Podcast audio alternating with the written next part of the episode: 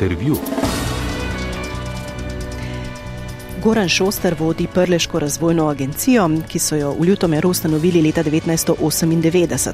Hkrati pa je član upravnega odbora Društva za razvoj slovenskega podeželja. Z različnimi projekti, ki segajo tudi čez državno mejo, so delavci skrbi za napredek in povezovanje zlasti na območju Prlekije in Pomurja, svojo zavezanost ekologiji pa udejanja tudi na svoji vinogradniški kmetiji v srčju krajinskega parka Jeruzalem. Kot ljutomerski alternativec se je že pred desetletji vključeval v gibanje za zaščito reke Mure, znan pa je tudi kot soustanovitelj slovenskega in evropskega podeželskega parlamenta. Goran Šoster že od vsega začetka poje v komornem pevskem zboru Orfej, ki v Ljutomeru deluje od leta 1989. Goran Šoster je zdaj pred našim mikrofonom v terenskem studiu v Ljutomeru, z njim pa se bo pogovarjala Lidija Kosi. Dobar dan, lepo zdrav, eh, Goran Šoster. Končno dva ljutomerčana v Ljutomeru. Ne? Ja, to se redko zgodi. ja, v Ljutomeru so že odnegdaj živeli učeni in napredni ljudje, to smo tudi danes že slišali. Mnogo jih je zapustilo, a nikoli ne pozabilo na svoj domači kraj. Pravzaprav je še danes tako, eh, svet je vse bolj globaliziran, a lokalne značilnosti vendarle ohranjajo svoj čar eh, in svojo vrednost. Vi ste se po študiju ekonomije vrnili. Zakaj? Ja, to je težko reči. Eh, razlogov je zmeraj več. Eh, zagotovo je eno pač duhovna podstat, ki jo človek prejme ob vzgoji, eh, skozi šolanje, skozi ulico, da tako rečem, se pač navežeš na svoj kraj in to te najbolj determinira v življenju. Potem pa seveda kasneje pridejo v poštev tudi ti materialni vidiki bolj. Eh, ki so lahko bolj prehodni ali pa trenutnega značaja. Zagotovo je stanovanska problematika danes ena od tistih, ki odločajo o tem, ali se, bodo, ali se bomo mladi vračali v svoje kraje, iz katerih izhajamo, iz univerzitetnih mest ali ne. In tako naprej, se pravi, tudi delovna mesta, službe, če dalje bolj odločajo o tem. Jaz sem pač imel to srečo, da sem imel vse, pravzaprav. Imel sem zelo veliko, um, bi rekel, čustveno navezanost na kraj, iz katerega izhajam, pa potem tudi, seveda, tudi materialne pogoje in pa službo. V času študija pa ste predsedovali Mariborski študentski mladini.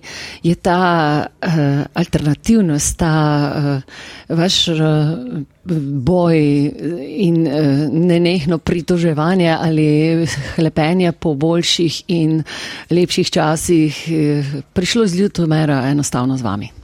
Ja, kaže, da ljutomerčan nosimo v sebi nek malo gneva, malo pa tiste neke uporniške drže, samo svoje drže. Ne na zadnje, ni čisto slučajno, da so bili tukaj prvi slovenski tabor, pa ne vem, kaj vse prvo, se radi pohvalimo danes. Pravzaprav to nič več ne odloča, bolj odloča o tem, eh, kakšen je ta duhovni milje, v katerem rastejo ljudje tukaj.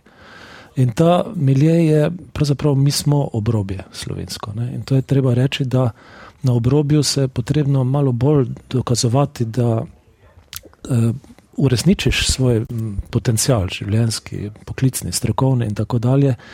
In to zagotovo nesemo v svet. Uh, tako da potem tudi bolj kot, ne, bolj kot ne smo lahko uspešni tudi v večjih uh, središčih, urbanih središčih. Uh, nisem vedel, da ste zbezali vse te podrobnosti iz študentskih let. Res je, sam se že celo redko kdaj spomnim na ta burna študentska leta.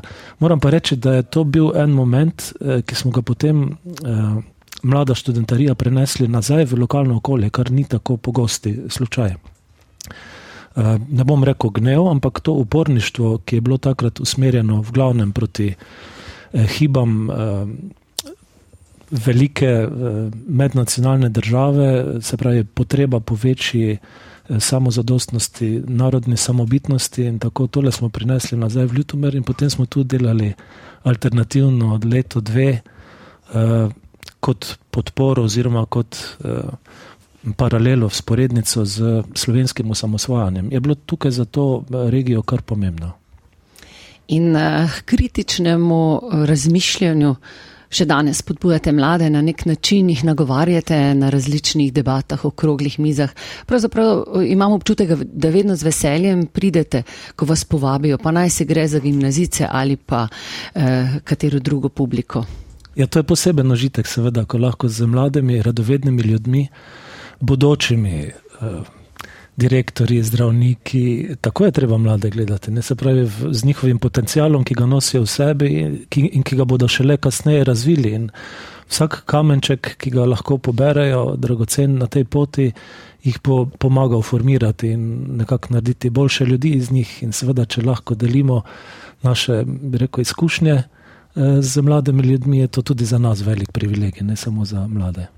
Na nek način pa na, tudi vi potem ostajate v koraku s časom, ne? se nimate časa ne postarati, ne poleniti in ne pogospoditi. Prle, ki bi rekli, Bog da je vaši reči hasek. Veste, kaj to pomeni? To pomeni, naj se zgodi.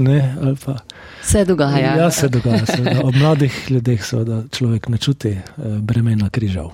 Tako in eh, kot ste že povedali, podeželje ponuja veliko možnosti eh, tukaj za življenje pa naj si gre za življenje z naravo, eh, pa za turizem in tako naprej. Vi se seveda s tem ukvarjate tudi poklicno, kaj ti vodite, kot smo že slišali, eh, Prleško razvojno agencijo.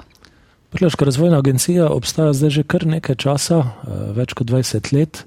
V tem času smo precej pomagali vsem sektorjem, da tako rečem, od javnega sektorja do nevladnega sektorja, tudi gospodarstvu pri pridobivanju evropskih sredstev. Vemo vsi, kakšne administrativne ovire so na poti do teh sredstev. Mi smo se pravzaprav za to specializirali in potem tu pomagamo eh, iskati, ne bom rekel, bližnjice, ker te iščemo vsi, ampak usposabljamo pravzaprav to lokalno okolje in regijo za to, da je uspešnejša na teh eh, razpisih.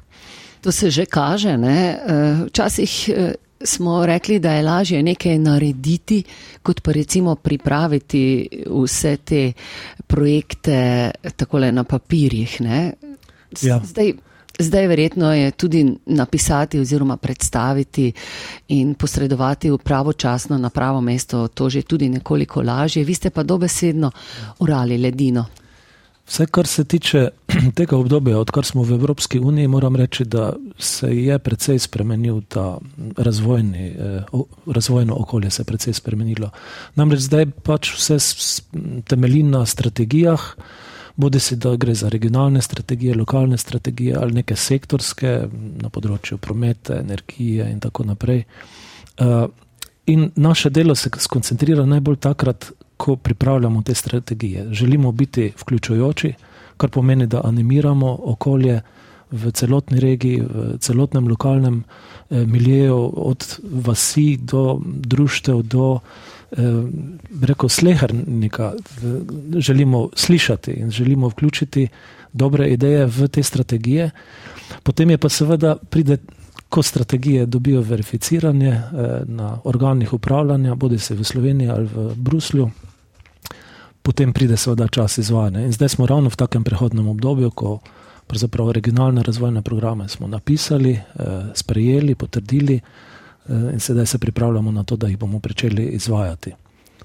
Koliko recimo je bilo v prejšnjem eh, tem programskem obdobju teh bom rekla, čisto manjših projektov, ki jih tukaj na podeželju eh, eh, ne vidimo ravno kot majhne, ne? ampak jih je bilo veliko, verjetno, ki ste jih spravili v življenje. Ja, v lokalni akcijski skupini Prelekija, ki jo upravljamo iz Preleške razvojne agencije, smo pravzaprav slovenski rekorderji po številu projektov. Uh, skoraj da 80 projektov je bilo v zadnjih štirih letih tukaj izvedenih iz tega Eh, proračuna programa LIDER, eh, CLD, kot mu rečemo. Program LIDER pač pomeni uh, sredstva za razvoj podeželja in sicer jih programiramo po principu od spode na vzgor, bottom up, kot rečemo, z že udomačeno tujko. To pomeni, da poskušamo uh, razdeliti ta sredstva glede na interese lokalnega okolja. Čeprav so evropska sredstva in pravzaprav je ta kanal iz evropskega proračuna, preko državnega eh, proračuna v lokalna okolja, eh, je vseeno to velik privilegij, da lahko skoraj vse projekte, vse dobre ideje, ki nastanejo v tem prostoru, tudi finančno podpremo. Zdaj, če govorimo o finančnem okviru, je to nekje eh, nepovratnih sredstev okrog 3 milijone evrov v tem obdobju. Ali če se štejemo tudi z sofinanciranjem lokalnih akterjev, bodi si občin ali gospodarskih družb, podjetnikov, društev, potem pa govorimo o petih milijonih evrov. Kar seveda ni malo ne, za, za, za podeželje. S čim pa so povezani ti projekti?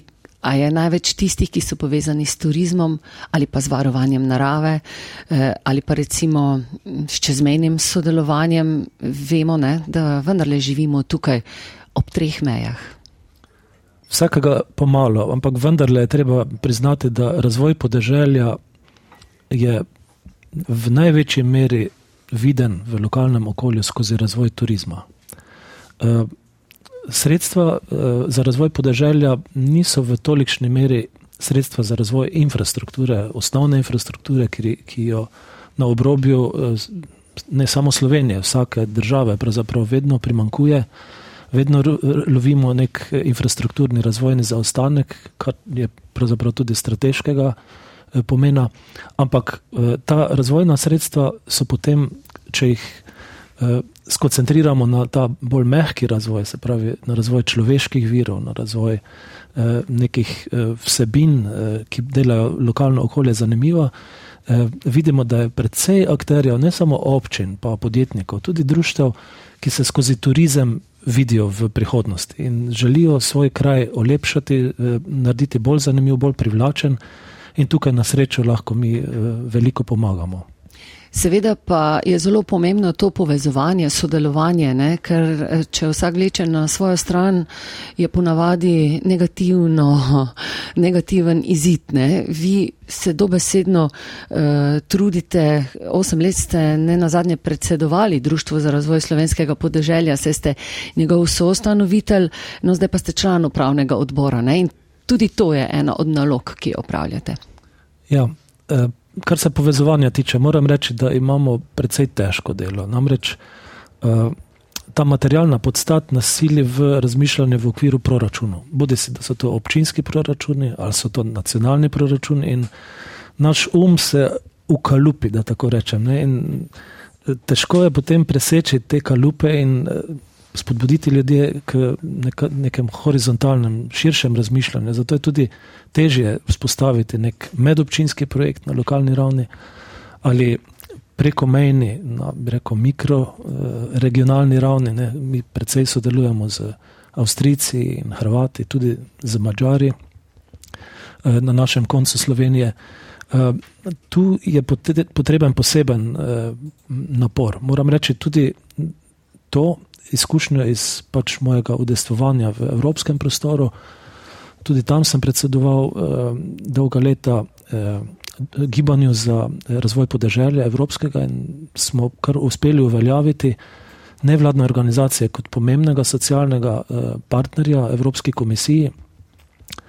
Na evropski ravni celo se mi zdi, da je lažje vlečti uh, sporednice in pa sodelovati, bodi si znotraj sektorja ali pa med javnim sektorjem in nevladnim eh, sektorjem, kot pa v lokalnem okolju. To je nek absurd, ki se je zgodil eh, v zadnjem, mogoče desetletju, eh, ampak drži. Eh, želeli bi si, da bi slejko prej prišlo do regij, eh, te, se pravi, regije z proračuni, ne regije z neko formo, kot jo imajo zdaj ker pravzaprav gre za nek, nekega brezzobega tigra, ne, regije brez proračuna, so pravzaprav na nek način ohromljene. Ne, in če bi dobili tudi regijski proračun, bi to pomenilo lahko velik eh, razvojni preboj samih regij, ne, zlasti obrobnih slovenskih regij. Ne. Čemu pripisujete eh, to dejstvo, ki ste ga omenjali, da je na mednarodni ravni oziroma na evropski ravni lažje sodelovati kot pa recimo na domači, lokalni? Uh, ja, v glavnem bi rekel, da je razlog v financiranju. Uh, Vkolikor pač mi damo kanal, občinski proračun za neko vrsto aktivnosti, bodi se da gre za izgradnjo vodovoda ali pa za izgradnjo šole, vrca in tako dalje, razmišljamo pač o tem, kako bomo to po najlažji ali pa najbolj učinkoviti poti uresničili.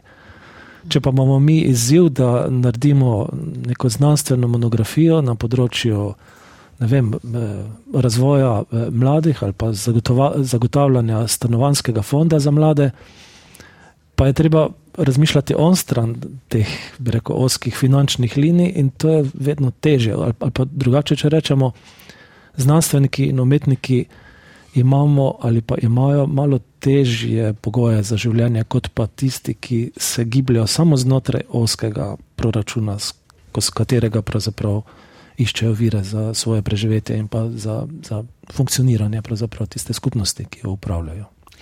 Eh, povejte nam še kaj o podeželskem parlamentu.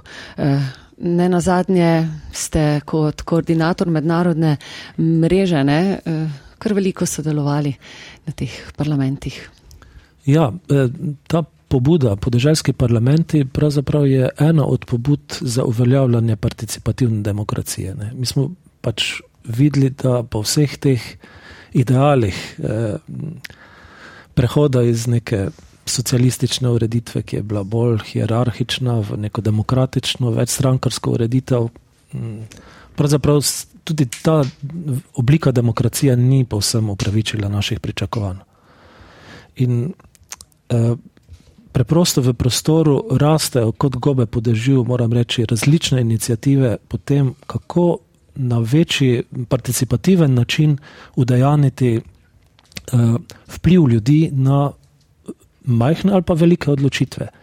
In podeželjski parlamenti so zagotovo eno od učinkovitejših eh, eh, načinov eh, uveljavljanja lokalnih, eh, regionalnih, tudi nacionalnih eh, želja, potreb, potem eh, eh, kakšne razvojne prioritete pač vidijo ljudje v določeni skupnosti in jih ne morejo uveljaviti skozi, bi rekel, standardne oblike demokracije, se pravi skozi stranko, eh, ali skozi občinsko eh, nomenklaturo ali nacionalni parlament in tako naprej. Skratke, skratka, ob teh, bi rekel, hramih demokracije, kot jih imenujemo, nastajajo novi hrami in ti tem mm, dajemo vedno večji pomen. Zanimivo je, da, da vznikajo ti podeželjski parlamenti v razvitih in tudi nerazvitih državah. Mi smo imeli pač to srečo, da smo v tem času, ko sem jaz koordiniral to mednarodno gibanje, lahko pomembno pri, prispevali eh, k nastanku teh parlamentov v, na celotnem Balkanu, eh, tudi ob Črnem morju. Seveda pa to prakso pa prinašamo iz Skandinavije, moram reči. No, tam je pa zibelka to vrstne, particip, bolj participativne demokracije. In eh, nekako prostor za civilno družbo. Ne? civilna družba pravzaprav je nosilec ne, eh, teh oblik participativne demokracije. Ne na zadnje vidimo, da se pravzaprav v družbi razvijajo neki vzporedni sistemi, recimo lokalne valute eh, ali pa recimo neko malo bolj tradicionalno obliko, če vzamemo zadružništvo. Mi mu pripisujemo zadružništvu kar velik pomen in večjo prihodnost, kot ga ima danes. Eh, Zadruga je ena krasna oblika organizacijska, ki lahko tudi v gospodarskem smislu ponudi lep način sodelovanja partnerjev pri doseganju nekih ciljev. Zadruga Prlekija, ne? tudi tukaj v Ljutomeru imamo. Turistična zadruga Prlekija, ja. upamo, da bo zaživela v polnem zamahu, sedaj je še v bom rekel, pod narekovaj v pleničkah. Še, še mora zrasti. še mora zrasti. No, uh, zrasli pa bodo verjetno tudi strateški razvojni cilji v Pomorju v tej uh, naslednji programski perspektivi, uh, kjer seveda ste tudi vi pripravili kar, bom rekla, veliko predlogov, idej in kot nekako izpostavili glavna področja ravno zdravo, naravno, družbeno, gospodarsko okolje, pa zdravo hrano in vitalno podeželje, zdravo staranje ne na zadnje in povezano družbo. To so pač eh, nekako okvirje, ne? zdaj pa projekti znotraj teh okvirjev nastajajo. Ja, projekti so pravzaprav projektni predlogi. Ne? Smo pravzaprav zbrali kar 400 takih predlogov. Uh, Njihova skupna vrednost je nekaj čez 3 milijarde evrov. Govorimo o 27 občinah Pomorja. Eh, če samo primerjavo damo, recimo nekje objektivno, lahko pričakujemo, da bomo iz evropskega regionalnega sklada dobili v pomorje tam do 50 milijonov evrov.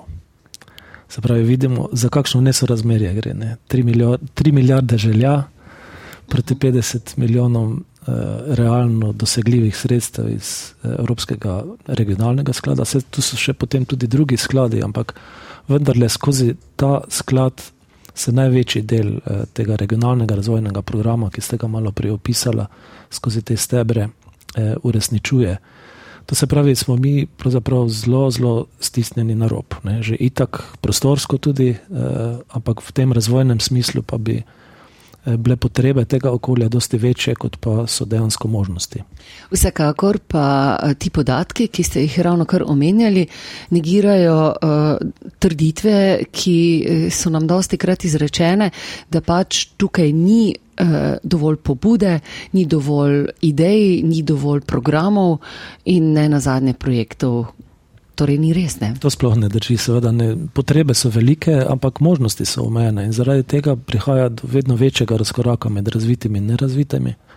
To se dogaja na nacionalni ravni, to se dogaja tudi na mednarodni ravni, kjer je pravzaprav problem neenakosti ena od večjih strukturnih neskladij eh, sodobne družbe. Ne. Se pravi, neenakost med območji, neenakost med socialnimi skupinami. Eh, s tem se bomo morali v prihodnje dosti, dosti več ukvarjati. Vsekakor bi želeli, da je pametna, zelena, povezana in socialna regija tudi privlačna regija. Ne? To so pravzaprav našteli ste ključne stebre regionalnega razvojnega programa za Pomorje, ki smo ga poimenovali Zdravo Pomorje 2030. Želimo razmišljati onkraj proračunov, zato tudi malo višja letnica. Vsekakor vidimo velike perspektive, ne, ne samo v Ljutomeru, ampak tudi širše, v Prlekiji, na obeh re, bregovih reke Mure. E, in po našem mnenju, po mnenju razvojnikov, je povezovanje in sodelovanje tisti ključ, skozi katerega lahko e, dosežemo hitrejši razvojni preboj. Ja, e, kot pravimo, bi radi, da bi se tukaj. E, zadrževali ali pa živeli mladi, zdravi ljudje, ne? da ne bi kar naprej govorili, da smo v pomorju najbolj bolni, da živimo najkrajše življenje. Skratka, da nimamo možnosti za kakovostno življenje. No, časi že kažejo, da, da je. Temu, eh, da temu ni tako, da, da je drugače, ja. da je ravno obratno. Ne?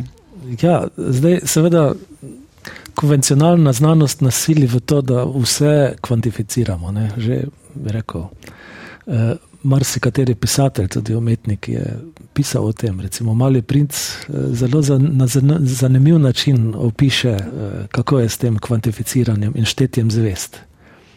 Pri nas pravzaprav merjenje razvitosti z bruto družbenim proizvodom ali pa kvalitete življenja z dolžino eh, starosti, ki jo povprečen prebivalec doživi, pokaže samo eno plat. Eh, mi pa bi želeli, da bi mogoče tudi malo bolj merili kvaliteto življenja. Upam si trditi, da kvaliteta bivanja v naši regiji je višja kot pa v, recimo, v slovenski metropoli. Zakaj si to upam trditi? Mi smo bolj kot ne uh, uspeli zagotoviti osnovne infrastrukturne uh, uh, potrebe, se pravi tiste vodooskrba bo pravzaprav kmalo prišla do vsakega gospodinstva eh, v Pomorju, celo do tistih najbolj odročnih eh, krajev, kar se po svoje sliši absurdno. Pa vendar, nekateri, nekatera območja še niso do prednedavnega imela pitne vode v Pomorju. Ne. Eh, tudi čiščenje odpadnih voda bo urejeno v veli, večjem delu območja. Eh, pravzaprav po tem kazalniku smo mi celo eh, boljši kot pa nekateri drugi deli Slovenije, razvit, veliko bolj razviti deli Slovenije. No in če se vrnem na istočnico, eh, o kvaliteti življenja govorimo. Takrat, ko mladi ne bodo več vrednotili svojega življenja samo skozi denarnico ali pa skozi neke statusne simbole, veliko hišo, lep avto, vem, naj, najbolj moderne obleke in tako naprej ko se bodo malo poglobili vase in pa v tisto pomembnejše stvari razsežnosti življenja takrat, bo pa mogoče tudi ta kvaliteta življenja, ki jo lahko tukaj na obrobju Slovenije doživijo, bolj vplivala na to, da se bodo rajši vračali v domač kraj. Kakšna je bližina ali pa dostopnost so ljudi za pogovor, za zaupanje, za spiti sproščeno kavico z nekom in ne pogovarjati se samo o teh izmišljenih ali pa usiljenih vrednotah, ki sem jih prej omenil.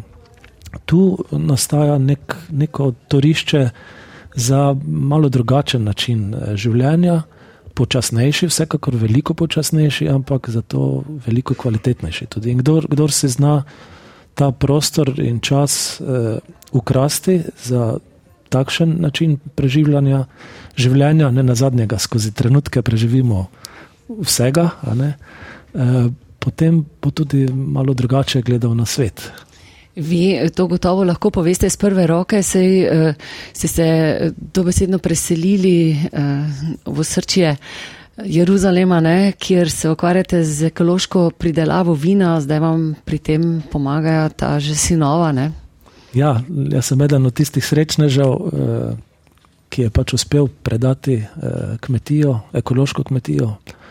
To je treba povdariti uh, nasledniku, naslednikom in ne da bi jim kdaj vsiljeval vrednote ekologije ali pa ekološkega kmetijstva. To je nekako bilo v naši družini samo po sebi omejeno in otroci so to sprejeli za svoje in potem nekako tudi nadaljujejo s tem, ne glede na to, da so se šolali in izšolali za druge poklice, ampak to je očitno bilo za dosti močen impuls v življenju, da so videli neko lepoto, nek čar, neko privlačnost v tej dejavnosti. V ekološkem vinogradništvu in sedaj pač nadaljujejo s tem. S svojimi otroki pa delite tudi eh, ljubezen do petja, ljubezen do glasbe. Eh, kot smo že slišali v napovedi, ste v bistvu eden ali pa mogoče že eh, celo edini še eh, ustanovni član komornega zbora Orfej iz leta 1989.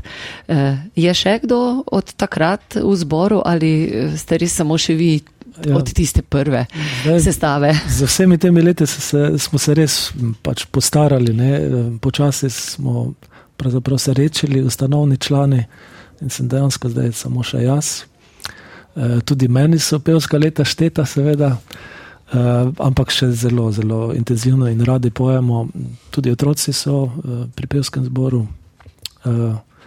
Za to okolje, pravzaprav ta pevski zbor ni kar neki pevski zbor, ampak je pravzaprav to eno zelo poglobljeno delo z priznanim slovenskim zborovodjem Andražom Hauptmannom, ki je dosegal mednarodna priznanja in tudi mi jih dosegamo, pravzaprav tudi na državnih, eh, tudi na tekmovanja gremo, ne samo tako na ljubiteljske festivale, eh, se zmeraj dokažemo kot eden boljših, ena boljših zasedb.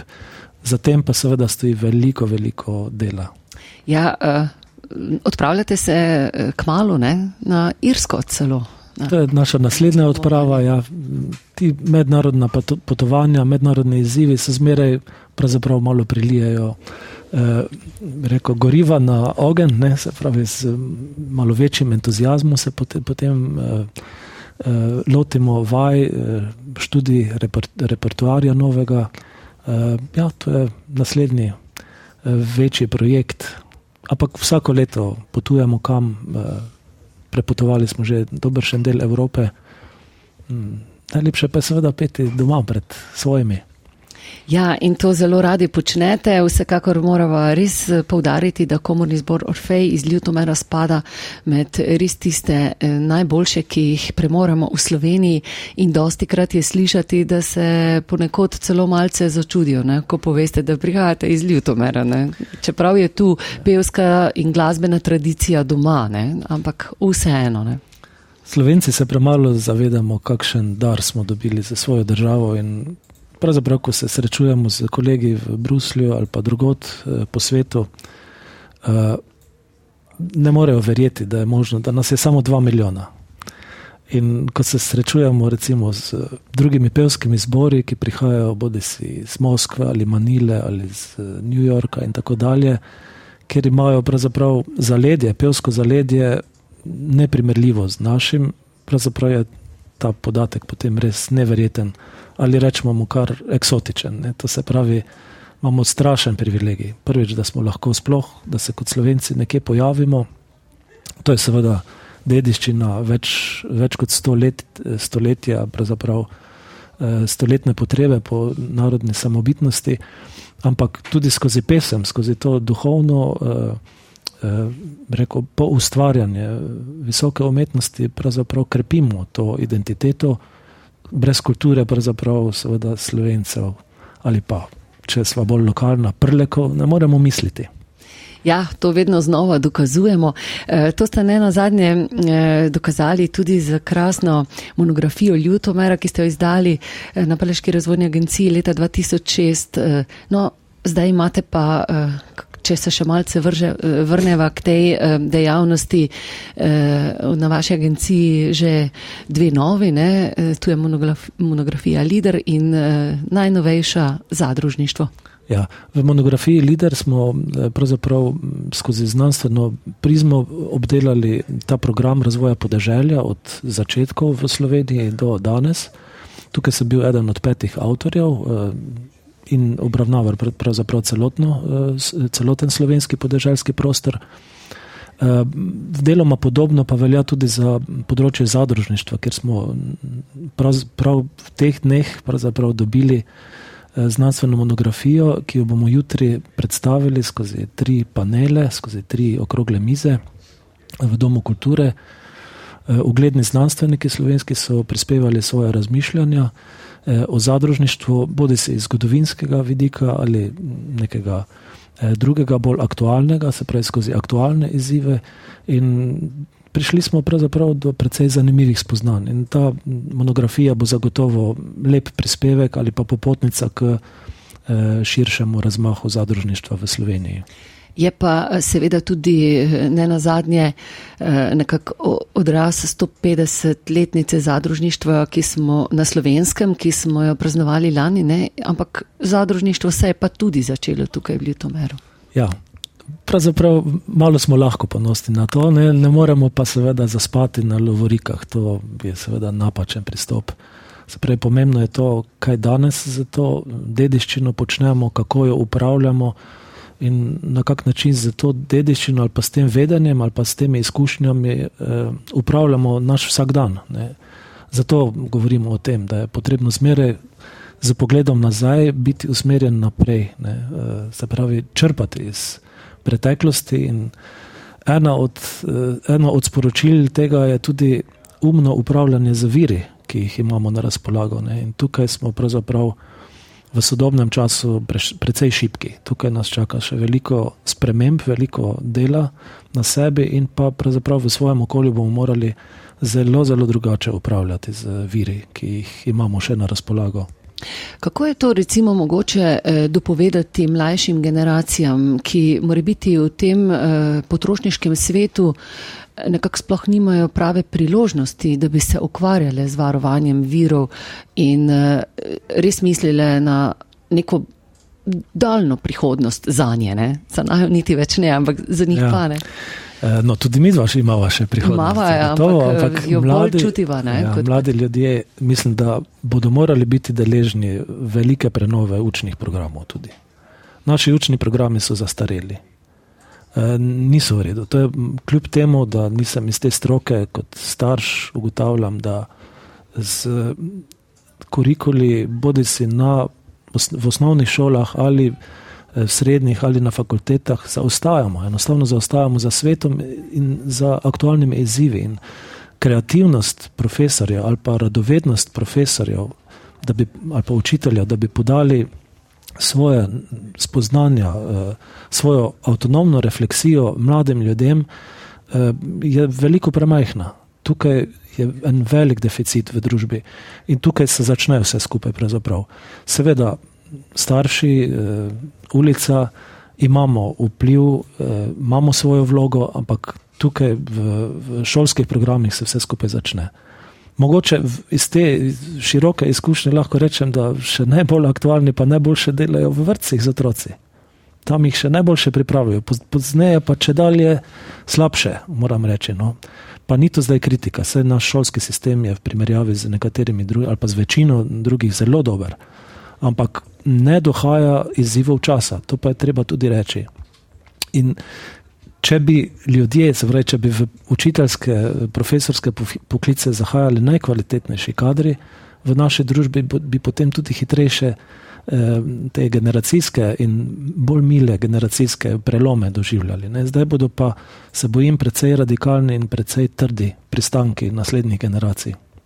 Ja, in kot ste že prej omenili, ne, tudi ta uh, sistem vrednot, ta lestvica vrednot oziroma vrednotenje samega življenja, samega dogajanja, malce včasih zaidene.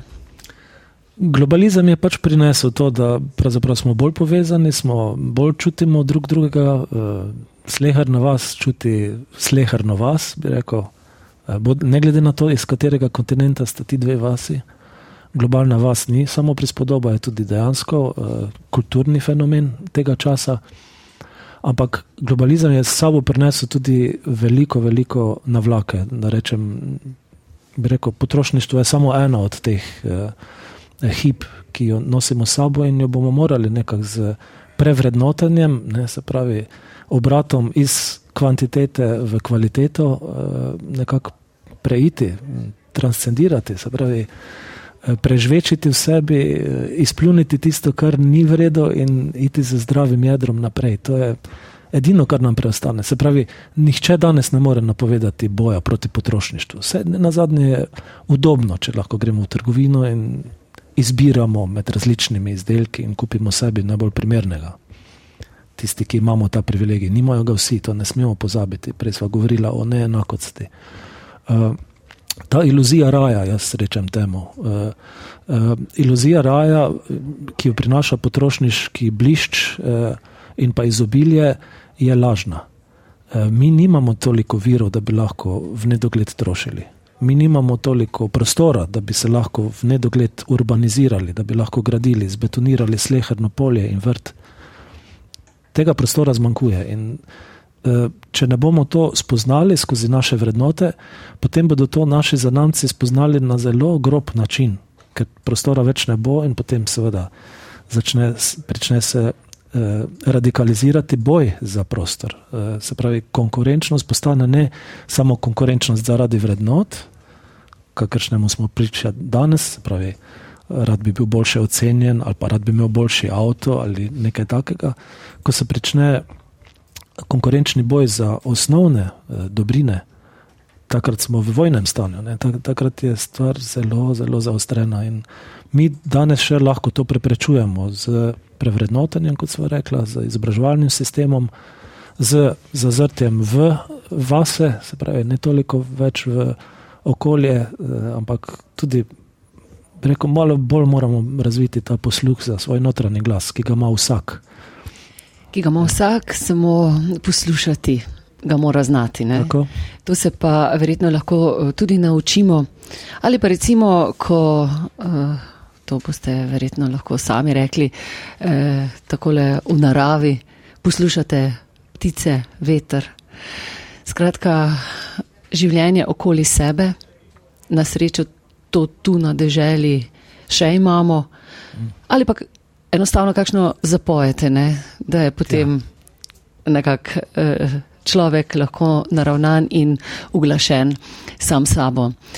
Goran Šoster, veliko sva povedala, veliko bi še lahko povedala, pa vendar bova počasi sklenila te najne misli. Eh, kaj je vaša naslednja naloga, kam se odpravljate te dni, kaj počnete uh, zdaj, recimo, ko ni več veselega decembra, ko je tu že uh, tako rekoč januar pri kraju, dela je pa vedno veliko. Ja, začela se je res v vinogradu, to je eno najlepših upravil v naravi, ki jih imamo pač vinogradniki, uh, privilegij upravljati. Tukaj sicer ne bom toliko uh, udeležen kot prejšnja leta. Uh, uh, moral bi iti na službeno pot v Francijo, uh, kjer bomo pilili, kjer bi naj pilili uh, uh, program razvoja podeželja na evropski ravni. Uh, drugače so pa pred nami počitnice in to bo velika, velika priložnost, da se malo bolj posvetimo družinam, da malo nadoknadimo tisto, kar nam je šepalo v preteklosti, ko smo preveč časa posvečali službenim skrbem, da ne rečem ambicijam in premalo družini. To, to, to je pa vendarle še naša temeljna celica in se zelo veselim teh počitnic. Ja, sej, potem bo pa že po malem, kot sva rekla, pot na Irsko z pevskim zborom Orfej. Drži. E, torej, hvala lepa. Goran Šoster, kot rečeno, vodja Prleške razvojne agencije in e, tudi sicer zelo dragocen sogovornik, e, pronicljiv in e, včasih se mi zdi, da bi si morali res večkrat ljudje vzeti čas, se malce pogovoriti ali pa drug drugega spomniti na to, da smo samo ljudje, da čas hitro teče in da če bomo živeli tako, kot bi radi, bomo nekaj od tega življenja tudi imeli in seveda tudi drugi okrog nas. Najlepša hvala za ta pogovor, gospod Čoster, ja. in vse dobro. Ker smo pa prleka, lahko še kaj po prleško poveva. Rade gočite po prleško? Zelo rad gočim prleško, še reči pa kaj po prleško spijan. No, te pa greva na kakšno kupico. Na špricer ali dva. Hvala, nasvidenje. Hvala.